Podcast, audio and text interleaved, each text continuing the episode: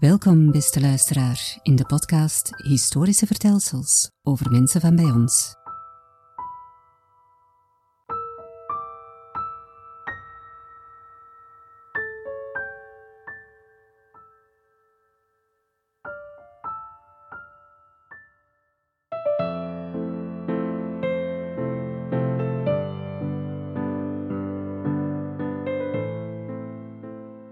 Israël Neumann, een Poolse immigrant in België.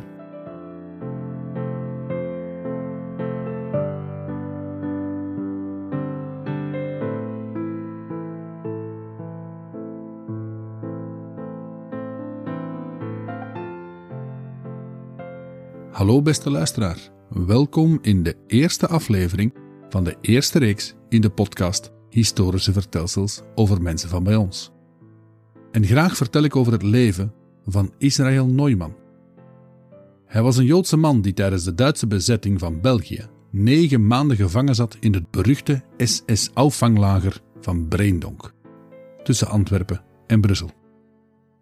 Wanneer ik vandaag met mijn groepen doorheen het fort wandel, kom ik vaak in de keuken.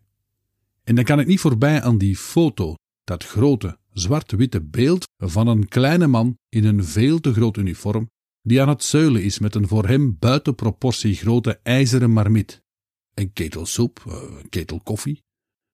Aan zijn gelaatstrekken kan je aflezen dat hij aan het afzien is. Aan zijn hele wezen zie je dat hij getekend is door zijn verblijf in de gevangenis van de Gestapo. En keer op keer raakt die foto mij. En dit is het verhaal van de man op die foto.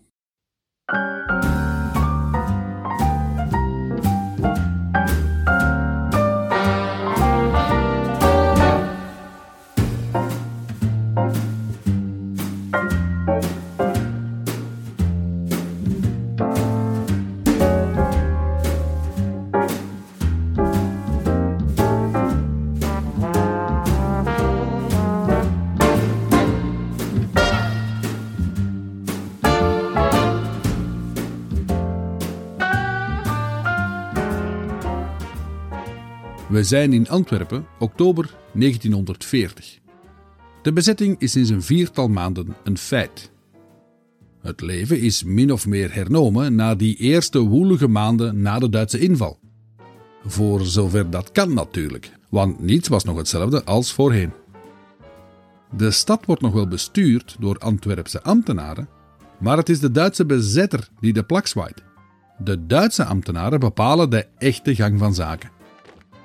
Er zijn Duitse soldaten verschenen in het straatbeeld. Duizenden mensen zitten in de miserie door de hoge werkloosheid. De haven, een van de grootste werkgevers, ligt zo goed als plat. Enkel bedrijven die voor de Duitse oorlogseconomie kunnen werken, wel, die draaien op volle toeren. De lokale winkels en markten zijn open, maar er heerst schaarste van zowat alles, hoewel de bezetter ons anders wil doen geloven. Om het schaarster wordende voedsel zo eerlijk mogelijk te verdelen onder de bevolking, is de rantsoenering ingevoerd. Een kaart met zegeltjes en bonnetjes. En zonder het juiste zegeltje kan je niks kopen. Met de winter voor de deur is ook de kleding en de brandstof op de bon gegooid. De zwarte markt tiert welig. De prijzen swingen de pan uit.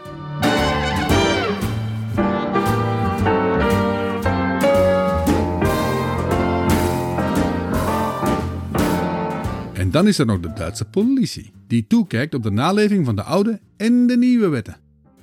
De veldgendarmen patrouilleren in de straten. De Gestapo patrouilleert ook. Maar hen zie je natuurlijk niet. Zij jagen in het geheim op verdachte anti-Duitse elementen. Het is 11 oktober en het zijn sombere vooruitzichten voor de gewone Antwerpenaar, voor de gewone senior.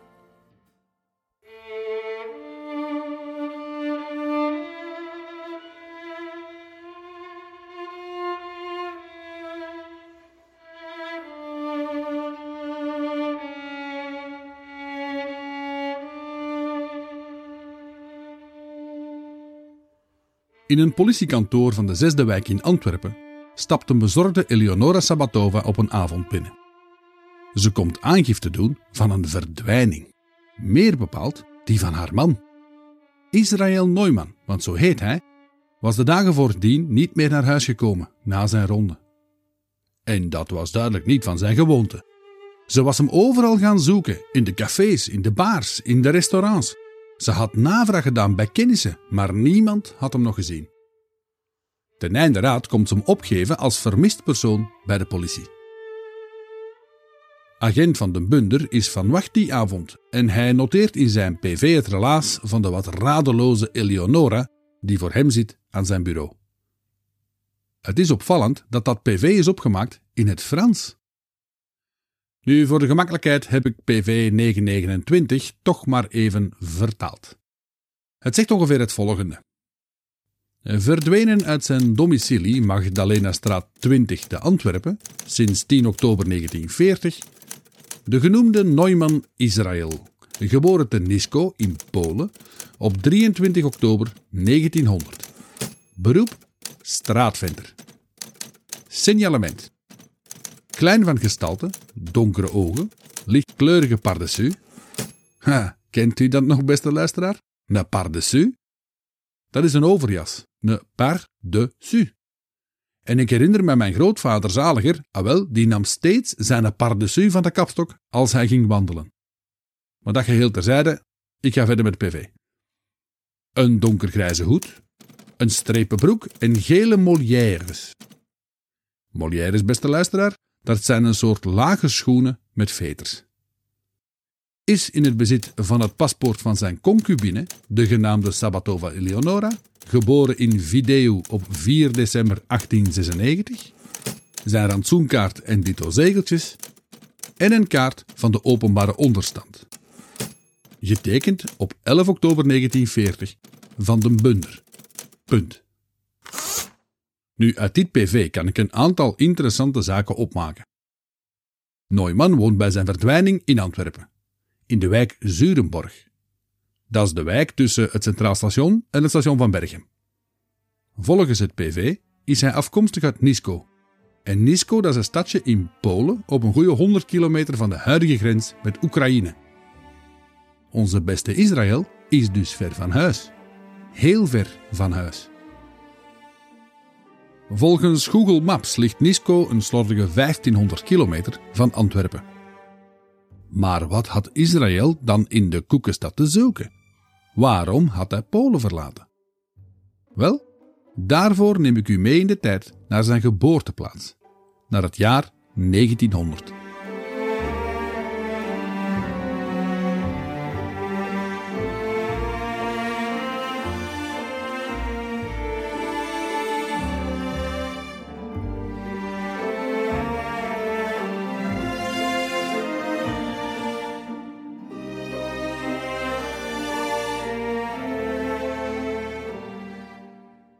Israël werd dat jaar op 23 oktober geboren in het Joodse gezin van Simon en Gana Neumann.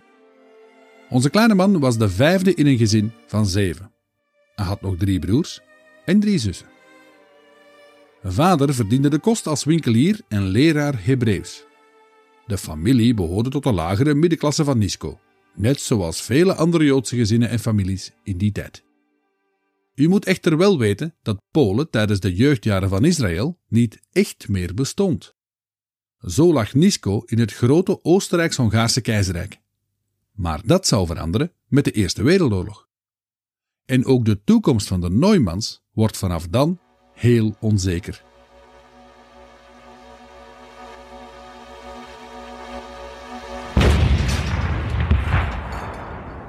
Vanaf het uitbreken van de Grote Oorlog in 1914 tot in de jaren 20 is Polen en het gebied rond Nisko één grote oorlogszone.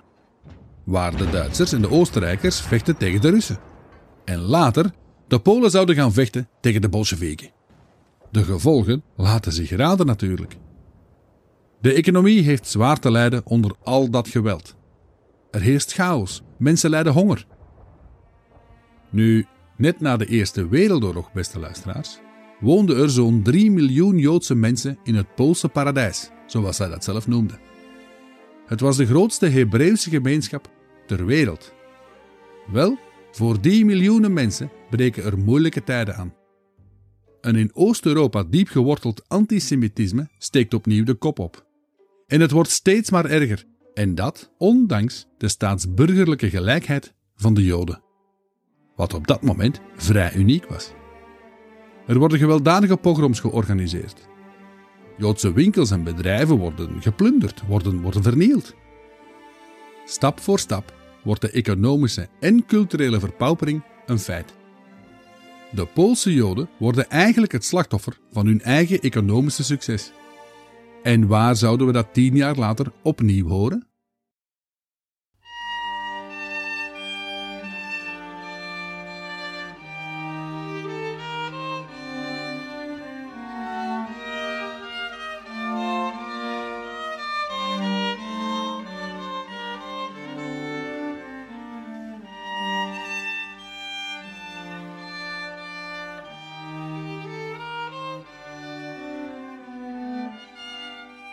Het is in dit klimaat dat Simon Neumann beslist om met zijn hele gezin weg te vluchten uit Disco, op zoek naar een beter leven.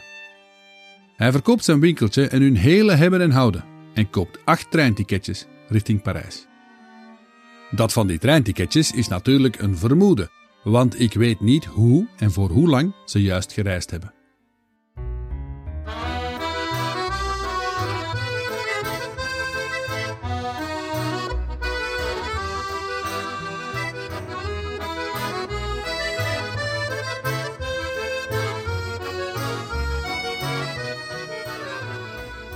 Als we de Neumanns voor de eerste keer zien opduiken in Frankrijk, zijn ze in Le Havre.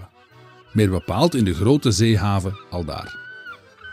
Ze staan op het punt aan boord te gaan van de SS Roussillon, die vanuit Le Havre via Southampton naar New York zal varen. De SS Roussillon is een stomer, een stoomschip. SS staat voor steamship. Waarschijnlijk is het altijd al het plan geweest van vader Neumann om naar Amerika te emigreren, om daar een nieuw leven te kunnen beginnen. Zijn oudste zoon Jacob was de familie al voorgegaan en woont al enkele jaren in Brooklyn. Maar daarover straks meer. Terug naar onze boot. De Roussillon was zo'n typische stoomboot waarmee men de grote plas overstak. Hij was eigenlijk niet zo groot. Hij was maar, tussen aanhalingstekens, 140 meter lang en 17 meter breed en hij bood plaats aan 1780 passagiers. Er was slechts plaats voor 100 man in de eerste poepchique klasse. En al de rest waren passagiers in derde klasse. Op deze boot was er zelfs geen tweede klasse. Dit vaartuig werd simpelweg gebruikt om zoveel mogelijk arme, weer tussen aanhalingstekens, en berooide gelukzoekers bijeengepropt in die simpele kajuiten in de buik van het schip naar de States te brengen. Ik zeg hier nu wel berooide mensen, maar ik ga toch even een nuance meegeven.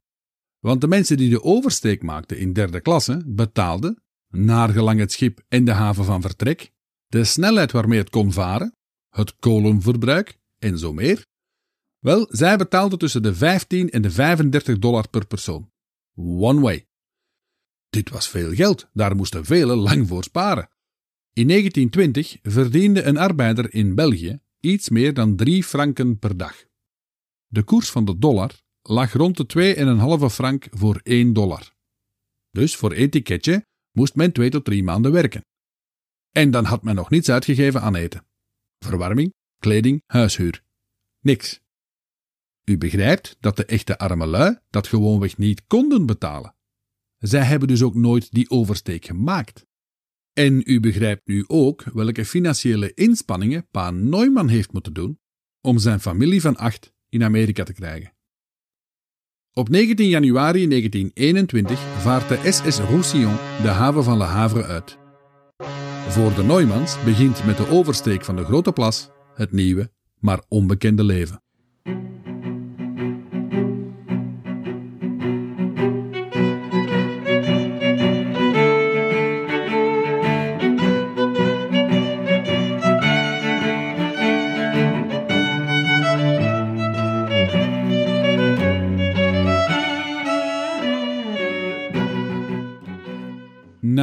Van 14 dagen doemt in de verte de toen al adembenemende skyline van New York op.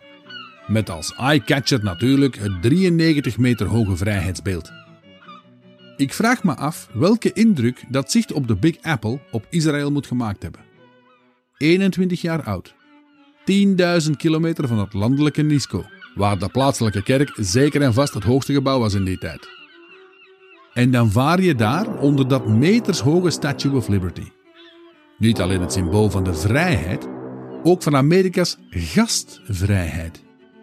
Zou Israël het vers gezien hebben dat op de sokkel staat? Give me your tired, give me your poor, staat er te lezen. Zoveel als Wees welkom, armen en vermoeiden. Heel toepasselijk voor de Neumanns. Echt arm waren ze misschien niet, maar vermoeid zeker wel. Vermoeid, na die lange reis op zee. Ik vraag me trouwens af of Israël zeeziek is geworden. Dat was namelijk het geval voor vele van de duizenden immigranten die ook op zoek gingen naar hun American Dream.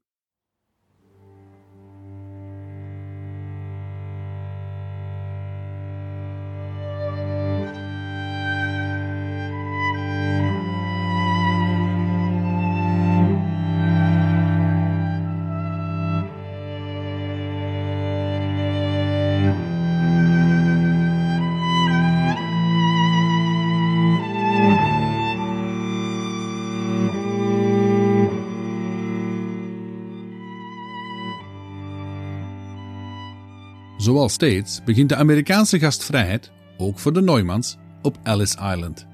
Het beruchte eiland dat zo goed als naast het vrijheidsbeeld ligt. En waar de US Immigration Service sinds lang zijn tenten had opgeslagen om de aliens, want beste luisteraar, zo worden die immigranten letterlijk genoemd, hè, om die aliens grondig te kunnen controleren. Hoe cynisch is dat?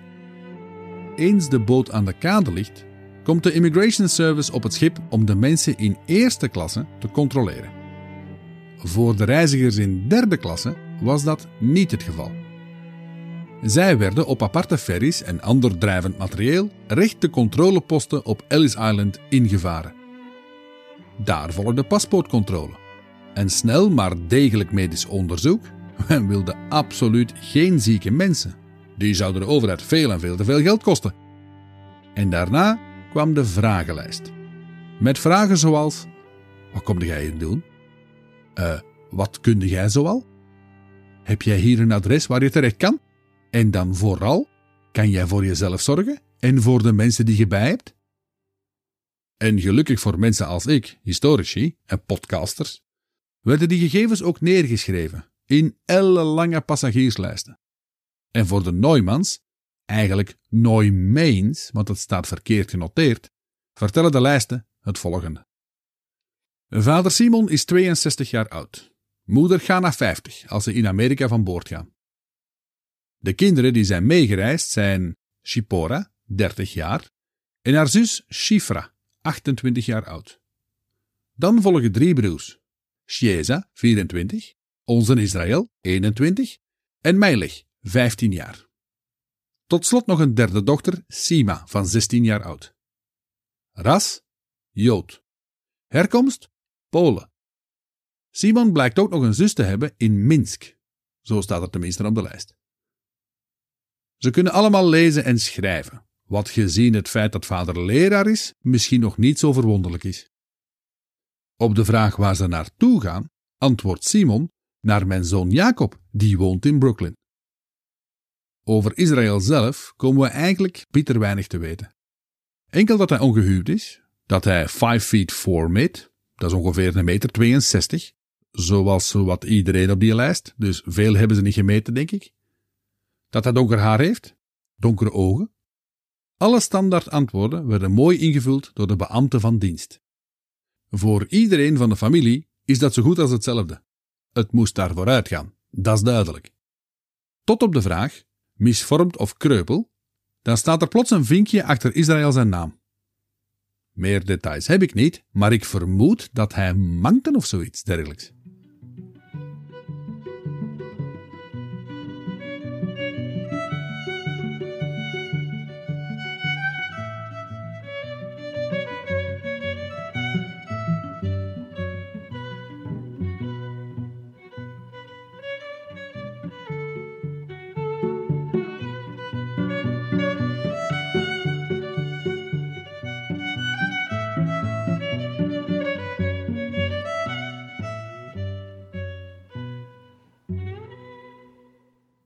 Nu, ondanks het feit dat de familie Neumann even op Ellis Island werd opgehouden, staan ze plots, valiezen in de hand, in het midden van New York. Die valiezen, beste luisteraar, is hun hele bezit. Ze werden waarschijnlijk opgewacht door zoon Jacob, die hem meeneemt naar zijn huis in Brooklyn. Voor hen hun nieuwe thuis, althans voorlopig. Waarschijnlijk om de integratie te vergemakkelijken, wordt hun naam verengelst. Neumann wordt Newman. En ook de kinderen nemen een Amerikaanse voornaam aan. Zo wordt Sima Sylvia, Meilig heet plots Milton, en onze Israël, wel, die gaat vanaf nu door het leven als Sam. Over het reilen en zeilen die eerste jaren in de Big Apple weten we verder niks. Tot op 9 oktober 1926 in de haven van New York de SS Coronia aanmeert. Deze steamer bracht een nieuwe lading immigranten vanuit Le Havre naar de Promised Land. En zoals voorgeschreven gaat iedereen in derde klasse van boord op Ellis Island. En wie staat er in de rij bij de Immigration Service? Israël Neumann. Ik heb ook zelf twee keer moeten kijken, beste luisteraar. Maar het is wel degelijk zijn naam die prijkt op passagierslijst nummer 15. Dit wil zeggen dat Neumann op een bepaald moment, vermoedelijk ergens na 31 juli 1925, is teruggegaan naar Europa. De vraag is, waar naartoe dan? En dat is nog altijd een raadsel voor mij. Is hij teruggegaan naar zijn geboortestad Nisko? Ik heb een beetje dat vermoeden. Omdat het Poolse consulaat in New York een nieuw paspoort had afgeleverd aan Neumann voor Polen. Maar waarom is hij dan teruggevaren? Op dit moment moet ik u het antwoord schuldig blijven. Maar na iets meer dan een jaar staat hij wel terug in Amerika, aan te schuiven bij de douane om weer toegelaten te worden.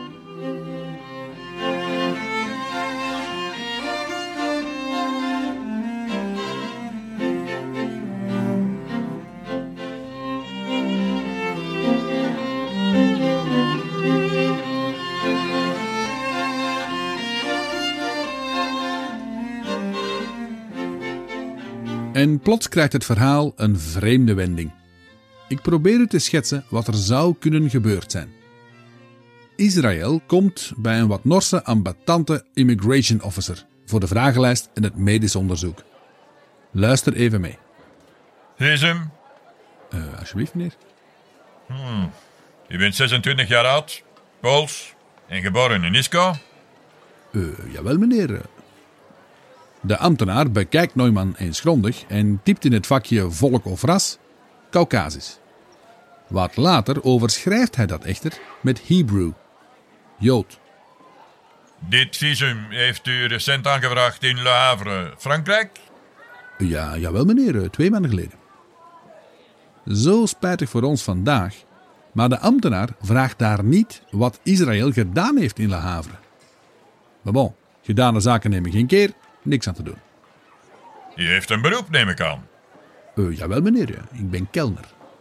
Bent u getrouwd? Eh, nee, Kan u lezen en schrijven? Eh, ja, ja, ja.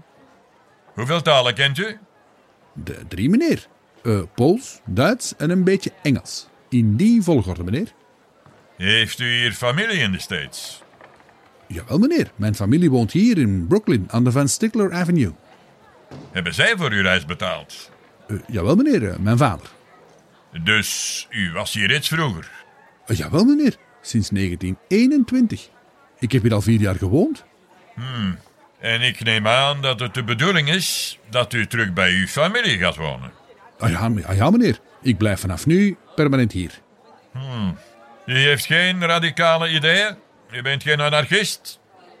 Nee, nee, nee meneer, nee, nee. Ik ben gewoon een, een brave Poolse man. Laatste vraag. Heeft u speciale lichamelijke tekens waaraan we u kunnen identificeren? Jawel meneer, ja, ik heb er hier eentje. En Israël toont zijn wijsvinger, een groot litteken. Kijk maar. De douanebeambte bekijkt Israël nog eens van kop tot teen en schrijft dan blanke huidskleur, donker haar en ogen, lengte 5 feet 5. Hm, hij is blijkbaar wat groter geworden op die vier jaar. Mentale en fysieke gezondheid, goed. Kreupel? Nee.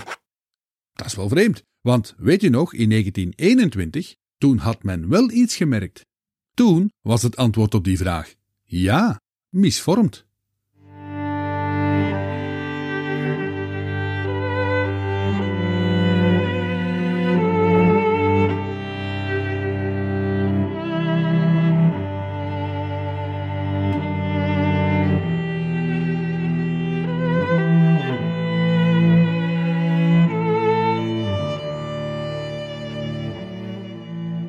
Na de vragenlijst volgt het medisch onderzoek. Israël mag zich uitkleden tot in zijn onderbroek. De eerste dokter die luistert naar het hart. De tweede dokter die checkt de longen. En een derde arts die neemt de bloeddruk. En dan plots stempel op het document. Ziekte. Welke ziekte is niet duidelijk, maar ze is wel ernstig genoeg om Israël door te sturen naar het Ellis Island Immigration Hospital. Hij vliegt naar het hospitaal. Na negen dagen wordt hij daar ontslagen. Dus zo erg zal het wel niet geweest zijn. Maar toch mag hij niet van het eiland. In een document genaamd Record of Aliens Held for a Special Inquiry blijkt dat er zes passagiers van de SS Coronia op Ellis Island zijn moeten blijven. Helaas voor Israël is hij er daar één van. Hij heeft namelijk een hele foute stempel gekregen, en dat mag u letterlijk nemen. Op die stempel staat LCPH Hold. De immigratiedienst is er namelijk van overtuigd dat hij niet voor zichzelf kan zorgen. Want als ik die afkorting vertaal, dan staat daar likely public charge. Hoogstwaarschijnlijk gaat hij ten koste moeten leven van de overheid. En verder staat er dat zijn pH, zijn physical health, zijn lichamelijke gezondheid, te wensen overlaat. Hij heeft dus blijkbaar wel degelijk lichamelijke beperkingen. Of hij nog contact heeft gehad met zijn familie, die uiteindelijk vlakbij woonde en voor de reis betaald had, is niet duidelijk. Wat wel duidelijk is, is dat Israël na een dikke drie maanden detentie opnieuw op de boot richting Le Havre wordt gezet. We zijn dan 4 februari 1927. Deported staat er droogjes voor zijn naam te lezen. En daarmee was de kous af. Israël Neumann zou nooit meer terug in Amerika geraken.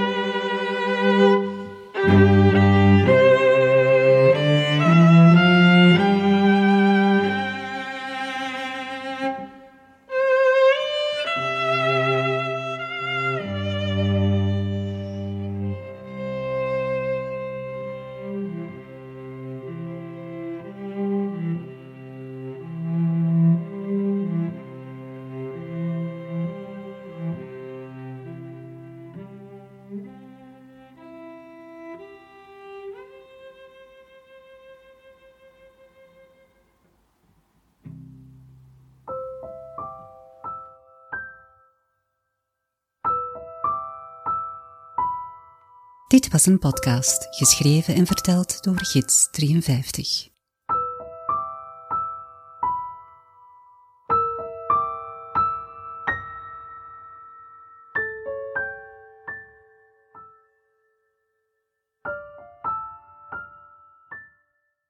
Als je naar mijn website gidsnummer 53.com blog surft, kan u extra beeldmateriaal en verhalen vinden over Breendonk en Neumann.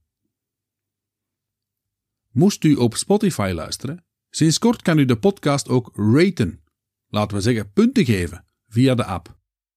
Je zou er mij met wat eerlijke sterretjes een schoon mee doen. Alvast bedankt.